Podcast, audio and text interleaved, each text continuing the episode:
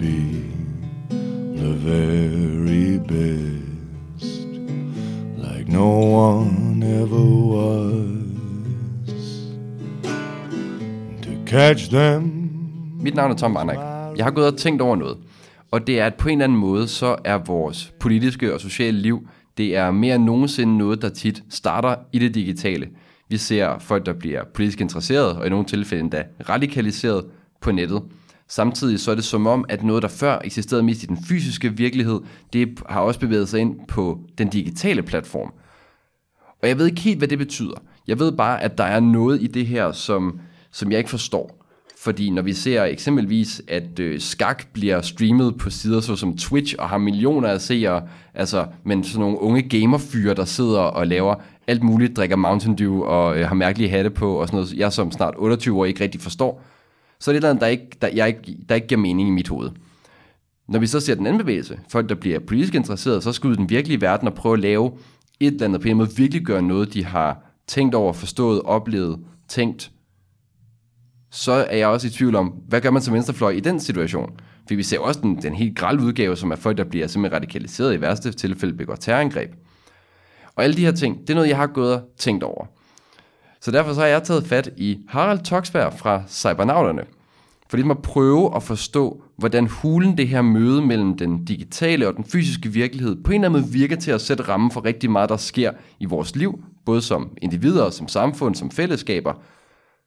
Så Harald, velkommen til for det første. For det andet, Tusind tak.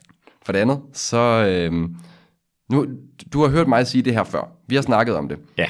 Og altså, har, har, vi, er der en eller anden måde, vi på en eller anden måde kan komme ned i, hvad er det her møde mellem den digitale og den fysiske virkelighed, når vi taler særligt om politik, og når vi taler om vores sociale liv, hvor det jo tit er det, vi har fokus på, det er sådan noget med radikaliseringsmøde, du har beskæftiget dig meget med. Ja, um, altså jeg arbejder jo til daglig med Cybernauterne, som er et uh, research- og formidlingskollektiv, hvor vi arbejder med forskellige øh, digitale problemstillinger, øh, digital kultur og i høj grad øh, forskellige ekstreme bevægelser på nettet. Øh, radikalisering, jeg er selv øh, mere eller mindre specialiseret i konspirationsteorier, men vi arbejder ligesom alle sammen inden for øh, forskellige felter af radikaliseringen, øh, og er sådan relativt bredt interesseret der. Um, og da du kom med den her meget løse idé til mig, så var min, det, du, du præsenterede ligesom det her med, at, at, at folk bliver politiseret på nettet, at de bliver måske øh, venstreorienteret eller højreorienteret eller sådan noget lignende, og så dukker de op til et SUF-møde for eksempel. Sådan noget der, ja. Eller i Venstres Ungdom øh, og skal ligesom forsøge at sammenkoble den her digitale eksistens, som de har med en nu fysisk, virkelig social øh, eksistens. Og der var jeg sådan lidt, det tror jeg simpelthen bliver for niche. Ikke? Altså sådan, det bliver for, for, for, for løst at gå til, fordi det er noget, der er...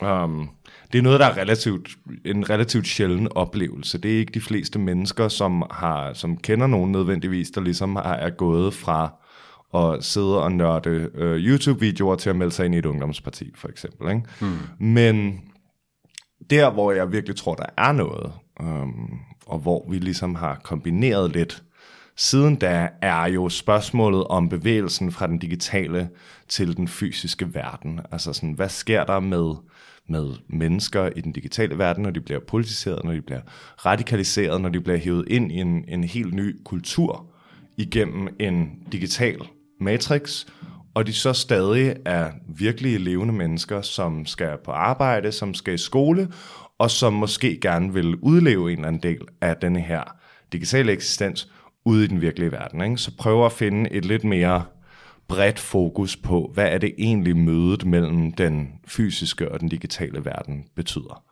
Ja, og der skete der så noget helt fantastisk, eller måske forfærdeligt, det tror jeg, de næste programmer her vil vise. Og det var jeg rent tilfældigt, da jeg sad øh, og i virkeligheden søgte jobs. Jeg har, har den fornøjelse at være på dagpenge, øh, så det det, der går meget min tid med. Så fa- fandt jeg ud af, at man kan simpelthen spille med Pokémon-kort på internettet. Hvor man simpelthen tager de her forbandede Pokémon-kort, som jeg kan huske, jeg, jeg ejede nogle stykker af, da jeg er gået i de små klasser, men aldrig havde tænkt over, at det var egentlig et spil. Altså, der var nogle flotte billeder, øh, og Og jeg, jeg, jeg, jeg, jeg er gået lidt mere op i det, og det er fordi, at øh, dag i 2020, der blev det jo stort. Der var jo nogle af de her meget gamle Pokémon-kort, som blev solgt for øh, millioner og millioner af kroner nærmest på, øh, på internettet. Så jeg var selvfølgelig hjemme hos min kære mor og grave, øh, jeg ved ikke hvor mange legetøjskuffer igennem for at finde det. Jeg kan afsløre, at der var ikke noget af værdi. Det er to timer, men det er jo jeg aldrig får tilbage. Øh, sådan kan livet jo også gå nogle gange.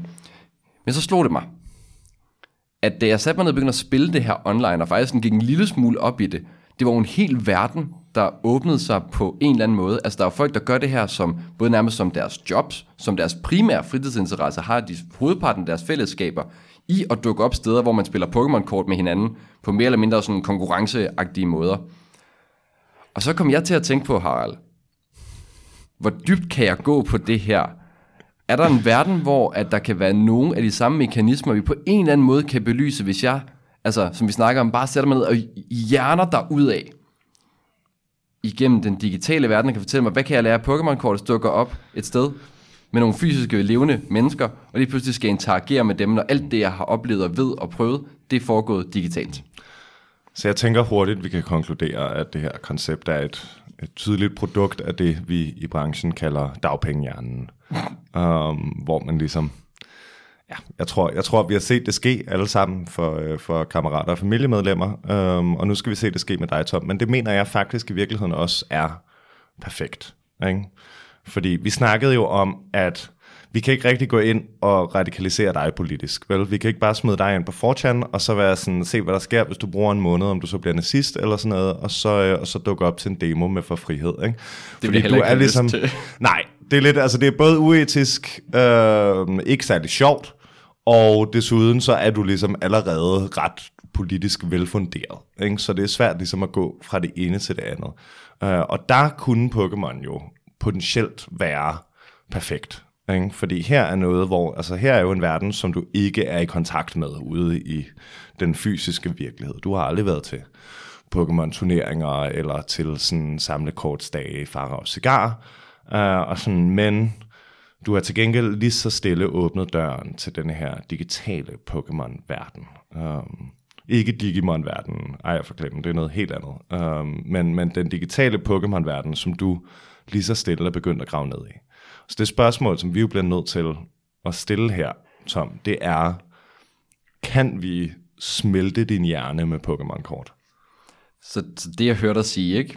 det er, at jeg virkelig skal prøve at efterabe, eller ikke prøve, jeg kommer til at gøre ligesom folk, der... For det kunne sådan set godt være sådan en som mig, der var på dagpenge, og havde, øh, udover sin jobsøgning, havde relativt meget tid, hvor man sad i sin lejlighed, og skulle få tiden til at gå med et eller andet. Så falder man over noget, og så øh, kan man bare nørde det afsindigt meget. Så det, du fortæller mig, det er, at jeg skal sidde på Pokémon-delen af YouTube øh, timer hver dag de næste par uger. Vi bliver nødt til at ødelægge dig. Simpelthen. Altså, sådan, det tror jeg er den eneste måde, hvor vi altså, sådan, opnår et resultat her, som kan få dig derhen, hvor vi ligesom faktisk lærer noget om radikaliseringen, om sådan den digitale radikalisering. Um, det er ligesom at se, hvad der sker, hvis vi bare pumper dit dagpenge isolerede hoved fyldt med Pokémon-information og misinformation. Kan vi forvandle dig? Um, det kan være, at vi skal snakke lidt om, hvad, hvad er en digital radikalisering egentlig? Ja, for det vil jeg gerne vide. Også fordi så kan det måske... Altså, jeg tænker, at din rolle bliver... Og, og jeg, jeg, jeg håber jo, at jeg på et tidspunkt fuldstændig taber overblikket, og vi glemmer, at vi nu... Ja, nu fortæller du mig noget om, hvordan det ser ud, når man sådan øh, hopper ned i et dybt, dybt kaninhul, finder en pipeline, i det her tilfælde en pipeline til Pokémon, og så skulle jeg jo gerne glemme det på et tidspunkt, men lad os, lad os lige prøve at rise op, altså hvad er det en, der sker? Altså, øh, sådan, altså eksempelvis sådan en som mig, der er på dagpenge, og ikke, altså ikke har et arbejde lige nu. Er det, er, er det et normalt udgangspunkt, og, og, og hvad er så, kan du tage os med ned i sådan kaninhullet, hvad er fra, mm. fra punkt A til punkt, øh, jeg er blevet radikaliseret? Ja, man kan sige, at der er meget at tage fat i her. En radikalisering har jo altid eksisteret øh, i den ene eller den anden form. Øh, om det er, er politisk, eller religiøst, eller whatever. Det, der er unikt ved den digitale radikalisering, ved digital kultur, det er, at du med internettet øh, kan få lov til at isolere dig i en kultur, øh, og dermed ligesom tage den her tur ned igennem kaninhullet. Øh, generelt så øh, enten starter eller ender enhver radikaliseringsproces jo med isolering. Øh, om det er ensomhed, fysisk, socialt, øh, om det er fremmedgørelse øh, fra dit arbejde, fra din familie. Øh, hvis du står et sted, hvor du ikke har mange forbindelser i den virkelige verden, som du føler ja, gør sig gældende i dit daglige liv, og som føler, at du ligesom kan sådan, sådan holde dig tæt på virkeligheden, så kan det være enormt let at falde ned i et kaninhul. Omvendt, så kan du også have et fuldstændig almindeligt og velfungerende liv, og så ligesom starte på de første små skridt her, om det er fordi du sidder og browser nogle mærkelige Facebook-grupper, eller øh, er taget på 4 bare for sjov, eller har fundet en underlig subreddit, som du synes er grineren. Um, så fungerer det jo relativt simpelt sådan, at hvis du finder noget indhold, som du godt kan lide, hvis du finder et, et, et, et community, øhm, som du nyder at befinde dig i, øh, så vil du gerne have mere af det. Øh, og et hvert, øh, et hvert community af den art har jo sit eget sprog, øh, sin, egen, altså sin, sin egen måde at tale på, sin egen slang, sine egne idéer om, hvad der er acceptabelt, socialt acceptabelt at sige eller ikke at sige, øh, hvad der er acceptabel viden for den sags skyld. Ikke? Altså sådan, hvad accepterer vi som sandt om verden, og hvad accepterer vi ikke som sandt. Um, og når vi snakker om den her, det her kaninhul, ikke, så er det jo ofte sådan, det bliver beskrevet, øh, øh, radikaliseringsprocessen. Øh, og radikalisere sig sådan op. Det er et spørgsmål om, hvornår man er radikal, og noget helt andet også, men i virkeligheden, vi for, hos for eksempel Cybernauterne øh, og andre lignende organisationer er begyndt at snakke mere om en faldlem. Altså fordi der har tidligere været den her ret dominerende idé om, at radikalisering. Det er ligesom noget, der sker lige så stille. Ikke? Altså, sådan, man ser en YouTube-video her og der. Man synes ham der, Andrew Tate, er lidt sjov. Uh, måske synes man, det er fedt, når Ben Shapiro debatterer med uh, universitetsstuderende og sådan noget. Og så lige så stille, så er der måske en algoritme, måske en online-kammerat eller en virkelig kammerat, uh, der ligesom skubber mere og mere ekstremt materiale imod dig. Det vi faktisk ser i dag, til gengæld, er, at det kan gå meget hurtigere end det. Um, og spørgsmålet er, okay. altså sådan, om ja. det er et resultat af sådan en generel rodløshed eller fremmedgørelse, altså sådan, at, at, at mange folk ligesom er ensomme og isoleret nok til at acceptere øh, den her slags idéer meget, meget hurtigt, øh, er rigtig svært at sige, men vi kan se, at det sker enormt hurtigt. Ja, for det er interessant, fordi min, min forståelse vil jo være, at man kan sige, noget, der er radikalt at det er jo altid radikalt i relation til noget andet. Mm. Det er noget, der på en eller anden måde ligger øh, udenfor, eller et godt stykke væk fra en nogenlunde konsensus, en sådan mm. næsten fælles forståelse af, hvordan virkeligheden er bygget op. Ikke? Og virkeligheden ja. er også en stor ting, og der er mange facetter af den, og der er måske også mange virkeligheder, det behøver vi måske ikke gå helt øh, filosofinørd på, det kunne jeg gøre i en anden sammenhæng. Øhm, men min idé ville også være, at altså, hvis nogen præsenterede mig for øh, idéer om, altså med et klassisk eksempel, højere radikalisering. Ikke? Altså idéer om øh, racehygiejne, eller den store udskiftning, eller øh, Illuminati, eller altså, hvad det nu kan være. Ikke? Mm. At så vil jeg jo øh, tænke, de fleste mennesker var sådan, ej, det er godt nok fjollet. Det tror jeg ikke på. Ja. Hvor jeg vil tænke, man ligesom langsomt, så skulle man være sådan, nå jo, men er der ikke noget med, måske folk er det skal komme til en dans, de får lidt flere børn, eller mm. er det ikke mærkeligt, der er mange mennesker, der bliver med mødes til sådan nogle møder, hvor vi ikke må vide, hvad de snakker om. Og så er man sådan, åh jo, det er da egentlig lidt spøjst, og så du ved, 45 ja. skridt længere henne. Men du siger simpelthen, at der er et eller andet med, at folk faktisk godt kan gå fra øh, at se, jeg vil sige, se et enkelt meme og en YouTube-video, til fuldstændig at øh, sådan være, ja, altså gået igennem en faldlem simpelthen ja. ned til, øh, altså noget, som er langt væk fra, hvad vi andre vil opfatte som Nu begynder det at trådne udenfor. Det er sådan lidt uhyggeligt, det her. Ja, vi, vi bevæger os også ud i nogle mørke emner, så det er på den måde meget passende, at vejret spiller med. Og det er uhyggeligt, øhm, fordi det der med den langsomme proces kan være relativt let at forklare rent psykologisk. Ikke? Altså sådan, det giver nogenlunde fin mening for de fleste af os, at man lige så stille kan blive irony poisoned, som man, man også kalder det. Ikke? Altså sådan, at de her ting, der egentlig til at starte med bare er jokes, og bare sådan mørk humor, og du ved, små, øh, små grupper, hvor man synes, at sådan holocaust jokes er grineren, fordi de går øh, langt over stregen. Lige så stille, så kan det begynde at plante en idé om, at de her idéer faktisk er acceptable. Ikke? Men men det er sværere at forklare faldlemmen.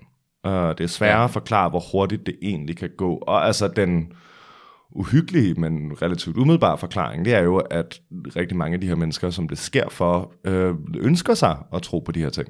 Ikke? Um, og det er også altså, en af de første lektioner, jeg ligesom lærte, da jeg startede på religionsvidenskab på universitetet, det er, at, at du kan ikke tvinge nogen til at tro på noget. Mm. Um, hjernevask eksisterer ikke. Øh, du kan altså sådan, sådan, man kan sagtens, man kan manipulere, og man kan lyve, og, og dele misinformation og sådan noget, men, men, men du kan ikke hjernevaske nogen. Folk har tænkt sig at tro på det, som de mener er rigtigt og godt at tro på.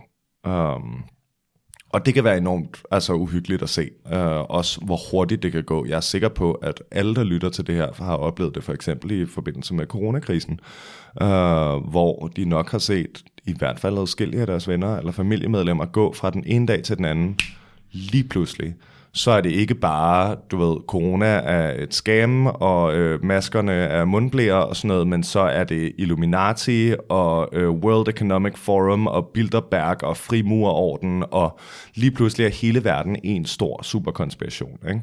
Jeg så i hvert fald nogle stykker under corona, vil jeg sige, ja. der øh, ja, faldt ned i en, en, en, en faldlem. Ja, og hvis vi skal, altså hvis vi skal behandle Øhm, både faldlemmen og kaninhullet relativt ens, så det bliver vi øh, pt. mere eller mindre nødt til.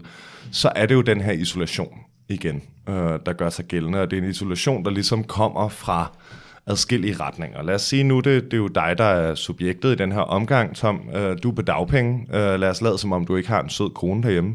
Um, du er måske faktisk lidt ensom, du er færdig på universitetet, du uh, har sgu ikke så meget at gøre med din hverdag, du har ikke noget arbejde, du skal bare dukke op på jobcenteret øh, centret en gang imellem, og du har måske heller ikke så mange venner.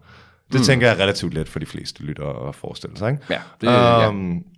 Og det, der så sker, det er, at du er mere eller mindre isoleret. Ikke? Du finder dig måske et community af en eller anden art. Det kan være igennem en YouTube-video, en Facebook-gruppe, en folkeskolekammerat, der har inviteret dig ind i en eller anden debatgruppe, øh, en Discord-server, whatever. Nogen, du gamer med, måske. Um, og allerede her, når du er blevet meldt ind i Facebook-gruppen, eller ind på Discord-serveren, så er du isoleret. Ikke? Fordi de andre mennesker i dit liv, din familie, dine kammerater, de kan ikke se, hvad du laver herinde. Um, de kan ikke se, hvad det er for et sprog, du bruger, hvad det er for nogle jokes, du hopper med på, hvad du synes er sjovt, hvad du synes er sandt. Så allerede der, så er der en eller anden form for konsekvensløshed. Ikke? Du kan mm. ligesom sådan slå dig løs med at blive en del af den her kultur um, på den her server, den her gruppechat, den her gruppe, uh, uden at nogen uden for dit liv, eller uden for dit digitale liv, kan følge med. Um, og det er jo allerede noget, noget unikt med det digitale. Ja, Men det, så ja. sker der jo så sker der jo en dobbeltvirkning. Um, fordi som du bliver mere og mere interesseret i denne her gruppe af mennesker, de er måske sådan højere radikale nationalkonservative, der er nok måske, måske er der et par nynazister imellem, sådan noget lignende. Um, du bliver mere og mere interesseret, og du optager mere og mere af det her sprog, som de bruger, de her idéer, som de snakker om. Men du ved jo godt et eller andet sted i dit hoved, at det er jo ikke de samme idéer, som du hører fra dine sådan, virkelige kammerater eller din familie, når du sidder nede på værtshuset, mm. eller øh, hvis du en dag fik et arbejde, så, øh, så, så, så er det jo ikke acceptable ting at sige, det der bliver sagt inde i den her Discord-server. Og fordi det er relativt svært ligesom at administrere det der med at skifte sprog hele tiden, så siger du måske i virkeligheden bare lidt mindre, når du ser din familie.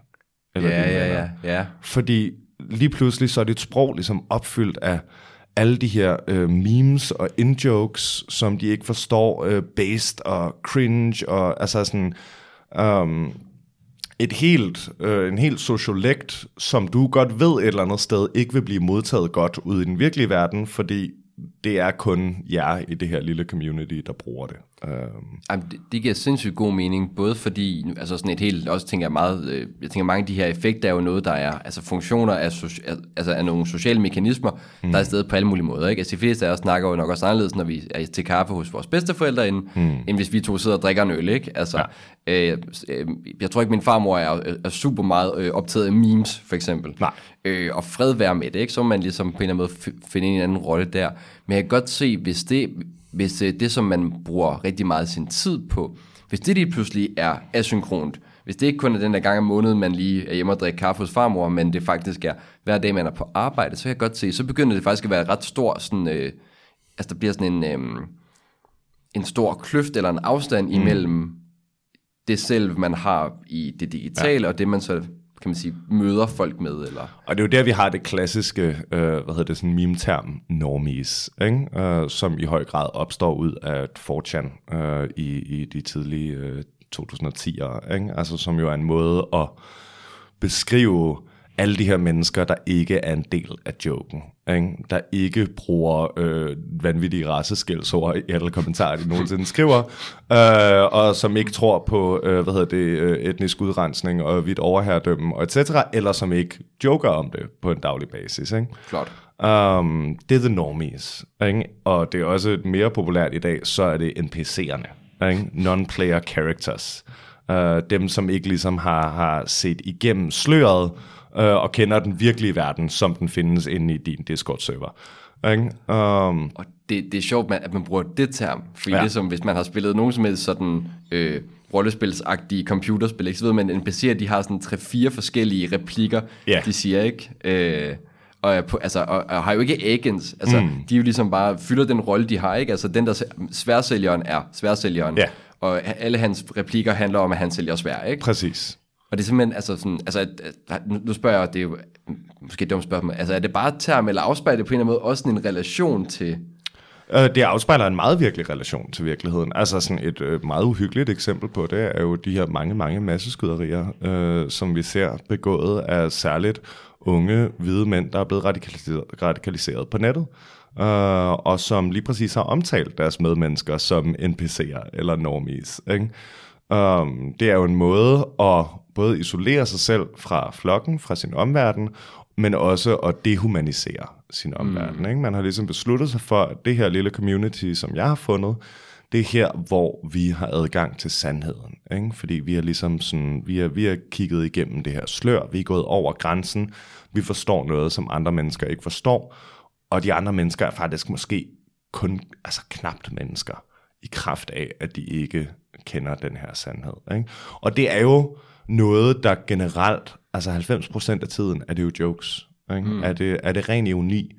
Men når du laver den joke, hver eneste dag, igen og igen og igen, øhm, ugevis, månedsvis, måske overvis, så er det også svært ikke lige så stille at begynde at tro på den. Ikke? Og så sidder der jo selvfølgelig også nogle ægte fucked up typer derude, og er interesseret i at bruge det her sprog til at videreføre deres meget, meget specifikke ideologier. Ikke? Um, og så sker der jo også noget andet efter den her isolation. Ikke? Du er måske begyndt at tale lidt mindre øh, med folk i din familie, dine venner, din arbejdsplads, fordi du ved godt, at det her sprog, som du ligesom er kørende op i hovedet, det er ikke sådan helt socialt acceptabelt. Mm. Og måske bliver du frustreret, ikke? fordi du kan godt mærke, at sådan, folk synes, det er lidt mærkeligt, at du er lidt anderledes. Ikke? De savner måske, at du, du taler noget mere. Um, og måske bliver du provokeret eller frustreret eller sådan noget, men så kan det være, at du faktisk begynder i sådan en protest nærmest at tale det her sprog til dem. Og det er der, hvor den her isolation ligesom tager sit endelige skridt. Ikke? Når du så tager den her digitale verden, som det kun er dig i sådan dit virkelige liv, der deltager i, og så prøver du at lægge den over på din omverden. Ikke? Så prøver du at få folk til at forstå, hvorfor alle andre er NPC'er eller normies. Um, du begynder at bruge det her memesprog, de her, den her mørke humor, whatever, um, over for din omverden, og det reagerer de negativt på. Ikke? der er noget enormt tragisk, fordi der er noget nærmest grundmenneskeligt i, at hvis man oplever, at der er nogen, der vimmer, og jeg så, øh, de, de vil faktisk gerne høre, hvad jeg tænker, de vil faktisk gerne vide, hvem jeg er, lære mig bedre at kende, vil gerne på en eller anden måde have et fællesskab med mig, eller sådan se mig, anerkende mig, øh, som er nok det mest menneskelige af alting, ikke? Og hvis man så siger, okay, amen, det, det, bliver, det bliver man som regel jo glad for, og man så besvarer det med noget, som folk så ikke tager imod. Altså der har vi altså nærmest øh, sådan hele, kan man sige, sådan, det eksistentielle problem for os mennesker mm. i en eller anden grad. Vi kan ikke lade være med at, at interagere med hinanden, men, det, men tit så fungerer det bare heller ikke. Og hvis, Ja. det, og, hvis, og hvis det man så har, når folk så spørger, hvem man er, man så begynder at tale om racehygiejne og store udskiftninger og konspirationer og mm. øh, lave mørke jokes, som ingen forstår, og man så bare bliver, altså det svar så ikke bliver taget imod, men, faktisk, men folk faktisk bliver frastødt af det. Ej, hold da kæft, det lyder da som en elendig oplevelse. Og Tom, det er det, vi skal gøre ved dig. Åh oh, gud.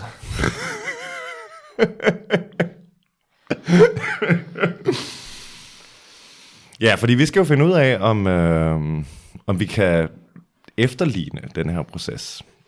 Ja, og jeg vil sige, bare, der hvor jeg er lidt med det nu, mm. det er, øhm, at jeg har spillet det her, det hedder Pokémon TCG Live. Der var tidligere åbenbart en anden online klient, eller sådan et andet program, man spillede på. Det er de lukket, lavet noget nyt. Og som regel, når der kommer noget nyt tech-agtigt, i sådan, som en, der også har gamet en del, så synes folk altid, at det nye er dårligere end det, der var før. Det ved jeg ikke, om det er. Selvfølgelig. Altså ganske givet, ikke? Altså hvis man spørger folk, så altså de bedste spiller jo altid dem fra deres gamle PlayStation 1, ikke? Mm. Altså, øhm, men jeg kan godt fornemme allerede nu, at der er øh, virkelig sådan en, en, altså mængden af fælles forståelse i den lille smule, jeg har oplevet allerede nu, er jo enorm. Altså, der findes jo hundrede og hundreder og hundreder af forskellige Pokémon-kort, og jeg kender, I don't know, måske de der 50 styk, som spillet, når man, man gennemfører sådan en, et, du ved, en tutorial, hvor den lærer dig at spille det, og så får du her stukket nogle kort i hånden, og så bliver man bare stået løs på sådan en online, altså sådan en rangstige, ikke? hvor når man vinder, får man point, når man taber, så mister man point. Så bliver man matche op med nogen, der er cirka lige så gode som en, det kender vi fra alle mulige andre spil. Og jeg har måttet erkende, at de kort, man starter med, de, de er relativt skrællet. Ja. Øhm, og så måtte jeg jo sætte mig ned og være sådan, okay, men hvad for nogle kort? Fordi man får faktisk relativt nem adgang til det. Jeg var lidt bange, fordi de ville prøve at monetarisere det som en i helvede, og så ville jeg ikke givet bruge hverken mine eller solidaritetspenge på det, hvis jeg kunne overbevise bestyrelsen om det. Det havde også været hårdt at sælge til dem. At vi skulle bruge penge på digitale Pokémon-kort til mig. Nå, ja. Og Vi er jo fornuftigt foretagende, sådan nogenlunde i hvert fald, øh, når det kommer til den slags. Men simpelthen at forstå, hvad for nogle kort, der er gode, og hvorfor, og hvordan. Altså, prøv, min hjerne er simpelthen ved at eksplodere. Ja. Der er jo hundredvis af kort, og folk, der taler, hvis man googler, hvad er det bedste dæk, altså sæt af 60 kort, man vælger at spille med i Pokémon, så får man artikler og artikler og artikler og timelange YouTube-videoer, hvor folk de i et sådan super intern gaming-sprog, som jeg fornemmer også er relativt specifikt for Pokémon, bare hjerner derud af. Mm. Og jeg sidder der og forstår brikker. Men jeg har prøvet, og øhm, jeg synes, det går, øh, synes, det går bedre. Men den der mængde af sådan, øh, information, man skal optage for at kunne sådan, deltage, altså jeg, indtil har jo ikke været i stand til at danne mig en eneste holdning. Mm. Jeg har jo knap været i stand til at tage andres holdninger ind. Det tror jeg primært, der er jeg lige nu. Ja. Og det, altså, altså, jeg har en kandidatgrad i teologi, ikke? Altså, øh, uden at sådan, skulle øh, pusse min egen glorie for meget, øh, selvom det selvfølgelig er en teologisk spidskompetence, så synes jeg egentlig, jeg er ret god til at sådan, arbejde med, indoptage, syntetisere, forstå store mængder kompleks information. Men det her, det er faktisk voldsomt. Det, øhm, Ja det må jeg sige. Jo, man kan sige, at det stadie, du er på lige nu, det er jo, at du har påbegyndt dig en ny hobby. Ikke? Um, og du har ikke så meget at lave for tiden, fordi du er på dagpenge, og så det bruger du relativt meget tid på. Ikke? Og den her hobby er ret meget større, end du er. Den er måske også ret meget større, end din interesse i hobbyen er. Ikke? Og så kan man jo hurtigt sådan finde sig selv det der sted, hvor man bare ikke tænker på andet. Ikke? Altså sådan, du ved, du sidder der, står og venter på bussen, og du prøver at sådan sætte dæk sammen i dit hoved. Um, jeg har selv spillet Magic the Gathering um, for, for længe, længe siden, så jeg har sådan en helt, i hvert fald en overfladisk forståelse af, hvordan sådan kompetitiv kortspil, uh, samlekortspil af den her art fungerer. Men jeg ved da også godt, hvordan det kan være sådan så overvældende. Ikke? Og der kan man sige, der har vi jo valgt Pokémon, fordi det er nok ikke... Vi håber og regner med, at det ikke er super farligt at blive øh, radikaliseret af Pokémon-kort. Nej, det, det tror jeg heller ikke. Og fordi, altså, jeg, jeg startede med at tænke, at jeg tror faktisk, det var noget, vi snakkede om, om var der en risiko for, at der, som i rigtig mange sådan nogle online communities og fællesskaber er, så, er der, så bliver det hurtigt giftigt. Altså, det bliver mm. meget transfobisk, eller det bliver... Øh, Ja. Ja, så er der en eller anden populær influencer i Pokémon-sfæren, der er også kæmpe Andrew Tate-fan, og det er bare sådan ja. normaliseret. Og det er faktisk ikke min oplevelse. Nej. Min indtryk er faktisk, at der er relativt meget opbakning til øh, transkønnet, der konkurrerer, og at det, sådan, det skal være et åbent, inklusivt community, også fordi der er ligesom et, selvom der er et skæld imellem, altså det er jo noget, der primært bliver markedsført til børn, så er der sådan en eller anden forståelse for, at børn er faktisk lidt en del af det her space. Mm. Så er der så dem, som jeg kan forstå, jeg nu er interesseret i, fordi mit mål, det er ene og alene at vinde et stykke Pokémon-turnering her om øh, små tre uger. Og de går ikke så meget ved det der med børn. Men fordi det, men jeg tror, fordi det er et space, der alligevel skal være nogenlunde til at være for forældre, der kommer med deres 8, 9, 10-årige børn og er med, så er det ikke super giftigt.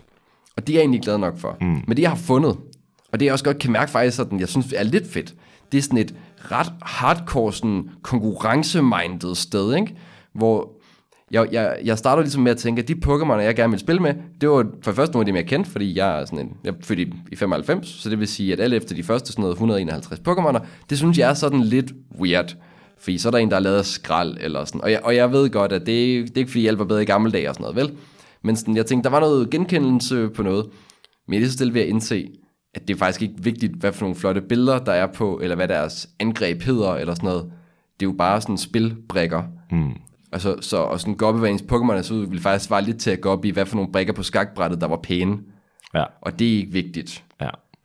Så jeg, jeg kan godt mærke, at der har jeg fundet sådan lidt, mit, øh, lidt min niche. Det er folk, der har det præcis på den måde, der bare sådan, det handler ind og alene om, vi skal vinde det her forbandede kortspil, ikke? Ja. Og der er det jo på mange måder et multifacetteret eksperiment, vi er i gang i her. Og det kan faktisk godt være, at det nu er et rigtig godt tidspunkt at introducere, hvad vores plan egentlig er. Det må vi hellere. Hvad der skal gøres ved dig, Tom, og hvor du skal ende.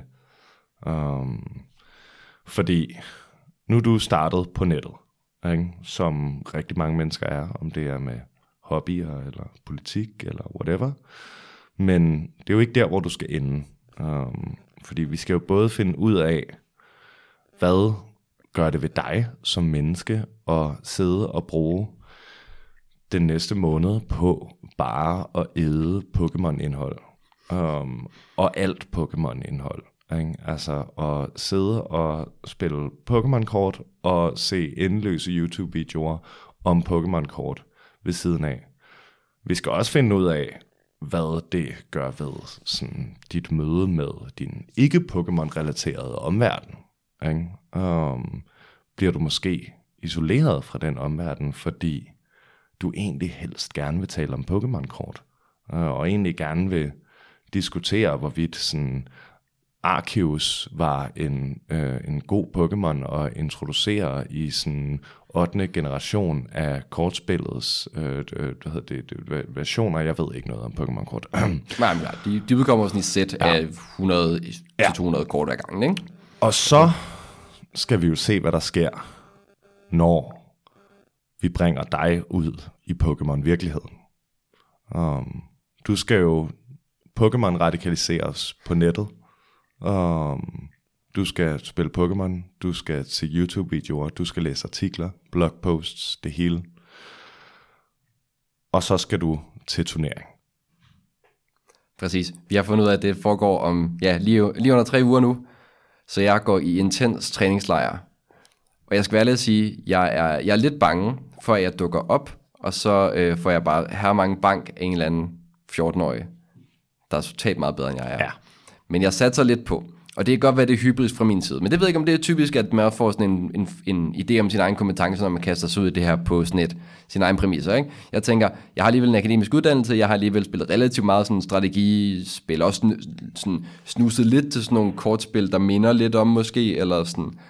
Du kommer til at få tæsk af en 14-årig. Men Harald, Jeg tror, ærligt talt skal du bare håbe på, at du ikke får tæsk af en 8-årig. fuck. Men det er jo heller ikke det, der er det vigtige her. Nej, det er rigtigt. Det er rigtigt. Det er eksperimentet. Det er kun eksperimentet, der øh, Ja, vi laver her. det er ikke din personlige ære, fordi som sagt, så skal du ødelægges. Altså sådan, hvis det her skal virke, så skal vi ligesom pille dig ned atom for atom, indtil der er en ny Pokémon Tom til stede i lokalet her med mig. Ja, og jeg, altså, og jeg vil sige, indtil videre, så har det egentlig været, så har det sådan set ikke været sådan, jeg har oplevet mig isoleret. Jeg har egentlig haft relativt meget sådan, som med at for eksempel vise min kone, hvad for nogle kort jeg nu har fået mm. igen på det her online-spil, ikke? Altså, jeg sådan, er den ikke, er den ikke flot, eller sådan, og så har hun ligesom haft, eller sådan, ser den her ikke virkelig dum ud. Og der har vi været sådan cirka på linje. Så er vi faktisk vi, vi, vi er relativt enige om, at Pokémon kunne ligne sådan rigtig dyr, men er sådan et fantasy mytologi det er nice. Sådan noget, der er for eksempel, der er vildt en Pokémon, der bare en bunke skrald med øjne. Ja. Der er vi ret enige om, det er jo åndssvagt.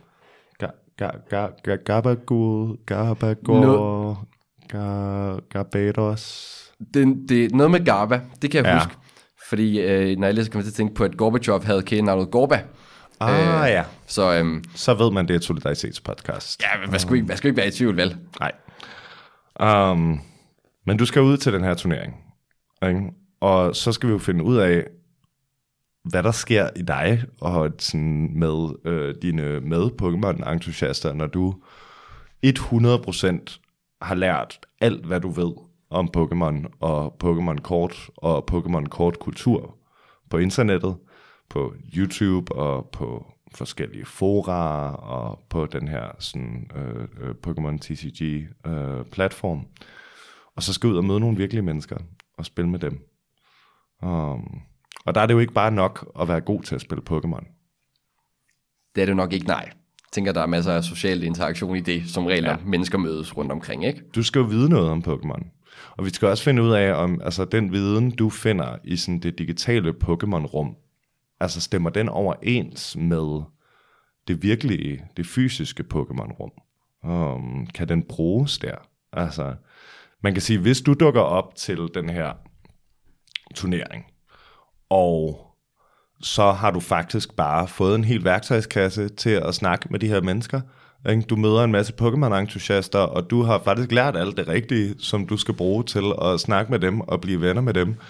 Altså, så har vi jo så er vi jo kommet tættere, så har vi bragt den digitale og den fysiske verden tættere på hinanden. Ikke? Altså sådan, så denne her diskrepans, der er imellem de to, bliver pludselig udvisket en lille smule, fordi du kan faktisk bare sætte dig derhjemme, og så kan du bare gå ind i en kultur, et community, et sprog, lære det derhjemmefra, og så dukke op til spejderlejr, whatever, øh, øh, SUF sommerlejr, og så kan du bare være med. Men... Det er jo det, jeg håber sker. Ja. Jeg håber jo, at jeg nu bruger den næste lille måneds tid på at øh, lære virkelig meget om Pokémon, som jeg egentlig ikke havde tænkt, jeg var noget viden og kompetence, jeg skulle bruge til noget. Men jeg så dukker op og har det super hyggeligt med nogle mennesker, der øh, er cirka samme sted omkring det. Ja. Det, øh, det, det tænker jeg, det vil være super fedt faktisk. Mm, Fordi altså, det er sikkert nogle søde mennesker. Altså. Ja, altså det vil ikke være så godt for sådan indholdsværdien af det her podcast til gengæld. Og derfor så er jeg jo også med Både for at øh, ligesom sådan, øh, øh, guide dig lidt og, og passe på dig igennem den her proces, men jo også for at hjælpe til med mest effektivt at smelte din hjerne og forvandle dig til et Pokémon-uhyre. Altså, Harald, der, der, er noget, der er noget, som jeg er nødt til at spørge om her, ikke? Ja. Altså, fordi nu, nu har jeg, jeg har ligesom sagt ja, og jeg er committed på det projekt. Mm-hmm. Altså, hvor, hvor, hvor, hvor galt tænker du, det her eksperiment kan gå? Det er et rigtig godt spørgsmål. Altså sådan, fordi jeg tror ikke, den politiske del er jo nok ikke så farlig. Og når det kommer til radikalisering på nettet, så er det jo ligesom politik og religion, der er øh, de to farlige ting, der kan ske. Um, du kan selvfølgelig også blive isoleret på alle mulige andre måder, fordi du hyperfixerer på et eller andet, som du ikke kan snakke med nogen i det virkelige, den virkelige verden om, en eller anden altså ultranørdet kultur eller sådan noget. Men Øh, men det kunne være værre. Ikke? Øh, jeg tænker ikke, at du kommer ud af det her, og sådan, du ved, jeg bliver nødt til at bombe Game Freaks hovedkvarter. Øh, det er ikke, jeg tror ikke, det er der, vi er. Okay, nej. Um, men hvor galt kan det egentlig gå? Altså man kan sige, vi kunne jo hurtigt starte en livslang besættelse af Pokémon-kort for dig her. Ikke? Altså noget, som vil optage alle dine timer, og som vil gøre det sværere og sværere for dig at forbinde dig med din omverden, fordi din interesse er Pokémon-kort, og det er deres bare ikke. Klart. Um, og hvis vi så ender der, altså, og det, må, det er måske at foregribe slagets gang, hvis vi kan, mm. det er, hvad vi skal lave en del 2, der, hvor, hvor du afradikaliserer mig igen. Ja. Øh, men altså, men hvad er egentlig perspektivet, hvis man er kommet ud sådan, og nu taler jeg måske mere om det politiske, mm. end hvis man har, øh, er gået fuldstændig øh, ybernørd på Pokémon, eller Star mm. Wars, eller Heckling, eller hvad fanden man nu ellers skal finde på internettet, og gå virkelig meget op i. Men hvad er så perspektivet for at komme ud af det igen? Altså, er det, er, er det typisk, at hvis man først er sådan, du ved, faldet fuldstændig igennem, og alt det bare øh, øjlereptiler, Illuminati og øh, øh, rasekrig, at så er man bare sådan tabt for den verden, eller er det sådan, altså er almindeligt, man på en måde kommer tilbage igen, eller altså hvad, hvad er det der sådan...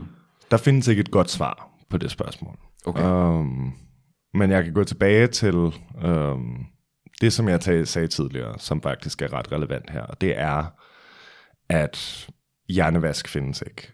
Um, altså dengang med sådan kultpanikken i for eksempel øh, uh, USA og England i 70'erne og 80'erne, der havde man jo de her deprogrammers og sådan noget, som så hvis man en af ens familiemedlemmer var uh, blevet del af en eller anden uhyggelig kult, så hyrede man de her deprogrammers til at tage ud og kidnappe dem, uh, kidnappe dit familiemedlem hos kulten, og så tage dem ud i deres facility, uh, og så deprogrammerede de sådan afhjernevaskede de der fra, øh, fra den her kult. Og det som, lyder super ubehageligt. ja, det var ikke sådan helt 100 etisk forsvarligt. Øh, og som du måske også kan forestille dig, så virkede det enormt dårligt. Øh, fordi det opererede på nogle misforståelser om, hvordan menneskelig overbevisning, både politisk og religiøst, egentlig fungerer. Um, Jeg kunne godt forestille mig, at folk er ikke tilbøjelige til at øh, bevæge sig ud af noget, hvis de bliver kidnappet, og derefter antager jeg låst inde i et rum, og får at vide, at alt det, du mener og tror på, ja. det er forkert. Det tænker jeg ikke er sådan... man kan ikke tvinge folk til at tro på noget, som de ikke vil tro på. Man kan ikke hjernevaske folk. Og hvis din kammerat eller dit familiemedlem er øh, er blevet fuldstændig vanvittig af øh, højre radikale konspirationsteorier og tror, at øh, rumjødereptilerne styrer hele verden igennem blodritualer og børneoffre, så er der ikke noget godt svar på, hvordan du får dem ud af den overbevisning. Vi kan snakke om årsagerne til, at de er kommet ind i den, som nærmest altid har et eller andet at gøre med isolation social isolation, økonomisk isolation, fremmedgørelse, ensomhed, alt det her. Um, vi kan snakke om muligheden for at række ud til dem, muligheden for at finde et eller andet fælles sprog, uh, hvor du kan lytte til dem, uden at ligesom acceptere deres verdensbillede. Men, men der er ikke noget let svar på, hvordan man afradikaliserer. Det er der ikke. Det er i sidste ende, så er det et valg, som et menneske selv skal tage. Mm. Øh, når vi ser mennesker tage, tage de her valg, så er det øh, sjovt nok oftest på grund af isolation. Den samme isolation, som har bragt dem ud det her sted. Som vi ser lige nu, så er der for eksempel altså 100.000 vis af sådan QAnon-troende, øh, der jo springer fra bevægelsen igen. Og når man ser på deres fortællinger, så det, der øh, hævde dem ud af bevægelsen, det var, da de vågnede op en morgen, og det gik op for dem, at deres familie ikke længere ville snakke med dem. Mm, at de ikke ja. længere kunne snakke med deres venner, at de ikke længere kunne have samtaler på deres arbejdsplads, fordi deres verdensbillede var blevet så fjernt fra deres omverden, at de var blevet mere og mere isoleret, og dermed også mere og mere radikaliseret. Ikke? Så der er ligesom sådan en, der er en mulighed for et vendepunkt der. Og det bedste, man kan gøre for nogen, er jo at række ud til dem, hvis man kan overskue det, have en klar plan for, hvordan man rækker ud til dem, hvordan man taler med dem, hvordan man øh, kommunikerer, hvor meget man er villig til at lytte, og hvor meget man ligesom vil, vil give pushback. Um, og så kan det være, at de kan tage det valg selv. Um, men i sidste ende, så skal folk selv tage det valg. Det er, når vi snakker altså total radikalisering. Ikke? Det er, når nogen har ændret hele deres verdensbillede men har noget, jeg, sådan, har, noget, jeg tænker lidt. For når vi snakker om radikalisering og i relation til mit øh, forestående Pokémon-eventyr, så bliver jeg sådan lidt bekymret og måske også lidt, øh, også lidt meget nysgerrig på, altså hvor galt kan det gå? Altså jeg tænker, Pokémon er jo relativt uskyldigt. Så jeg ved ikke, om, altså er der nogen risiko i det her? Man kan sige, øh, nu har vi jo valgt en kultur, som er sådan rimelig ufarlig i forhold til så meget andet. Online radikalisering er jo noget, vi snakker om i forhold til politik og religion primært, og Pokémon er et kortspil øh, for børn primært. Man kan sige, at sådan, der er selvfølgelig den fare, at Um, at det her du, øh, besætter dig. Ikke? Altså sådan, at det er det, du gerne vil, vil bruge alle dine vågne timer på øh, de næste mange år fremad, og det isolere dig fra dine medmennesker, fordi du vil helst gerne snakke om sådan statistikker for, hvem der har vundet turneringerne med hvilket dæk de sidste 10 år igennem, og det vil din familie og din kone og dine venner ikke rigtig snakke om. Um, og det er jo en, en, en relativt reel risiko, og ikke, om en ikke særlig farlig. Grundlæggende er det her jo en hobby. Men noget andet, som måske ikke er så meget er en fare for dig, men også er et andet aspekt af det her, er jo, at der er jo ikke nogen garanti for, at det du møder, når du går ind i Pokémon-kulturen, bare er Pokémon. Um, du kunne meget, meget hurtigt ende med at finde ud af, at der findes fællesskaber inden for Pokémon-verdenen, som er har nogle andre idéer, som de også gerne vil snakke om. Um, og der kan man sige, at du er et voksen menneske, der er rimelig socialt og politisk funderet, som vi også har snakket om før, så det er nok ikke en fare for, at du lige pludselig ender med en masse øh, øh, Pokémon-nazier. Men det kan være en, en fare for rigtig mange andre, særligt meget unge mennesker, særligt, du ved, socialt isolerede mennesker, fremmedgjorte mennesker, at du finder dig et fællesskab, som du måske har savnet inden for noget, som du interesserer dig for, som din omverden ikke er super interesseret i at snakke om, fordi det er rimelig nørdet og rimelig obskurt som Pokémon-kort, og det her fællesskab har måske også en politisk skyggeside. Uh, måske opdager du, at de venner, som du har fundet dig igennem det her fællesskab, har nogle holdninger og nogle idéer og en måde at snakke om, lad os sige, kvinder, minoriteter, etc., ikke rigtig stemmer overens med dit verdenssyn. Men du har stadig brug for det her nye fællesskab, du har fundet dig, så du accepterer det, du godtager det, og måske med tiden så begynder du at hoppe lidt med på den, ikke? lave jokesene. øhm, Ja, så, så, så det du siger i virkeligheden, at der, man kan sige, inden for de her fællesskaber, kan der jo, som, altså, der, findes jo også on, sunde online fællesskaber. Det der, gør der jo sådan set nok efterhånden inden for alle ting. Ja, altså, vi snakker kun om risiko lige nu. Ja, ikke? Hvad er det Præcis. værste, der kan ske? Præcis. Nej, fordi jeg, jeg kommer også sådan til at tænke på, at øh, da jeg i sin tid lavede Trohåb og Klassekamp, der øh, fandt jeg jo ligesom også nogle Facebook-grupper, jeg kunne promovere det i. Nu er det så lige religion, det er jo så også noget, så det jeg faktisk ved noget om.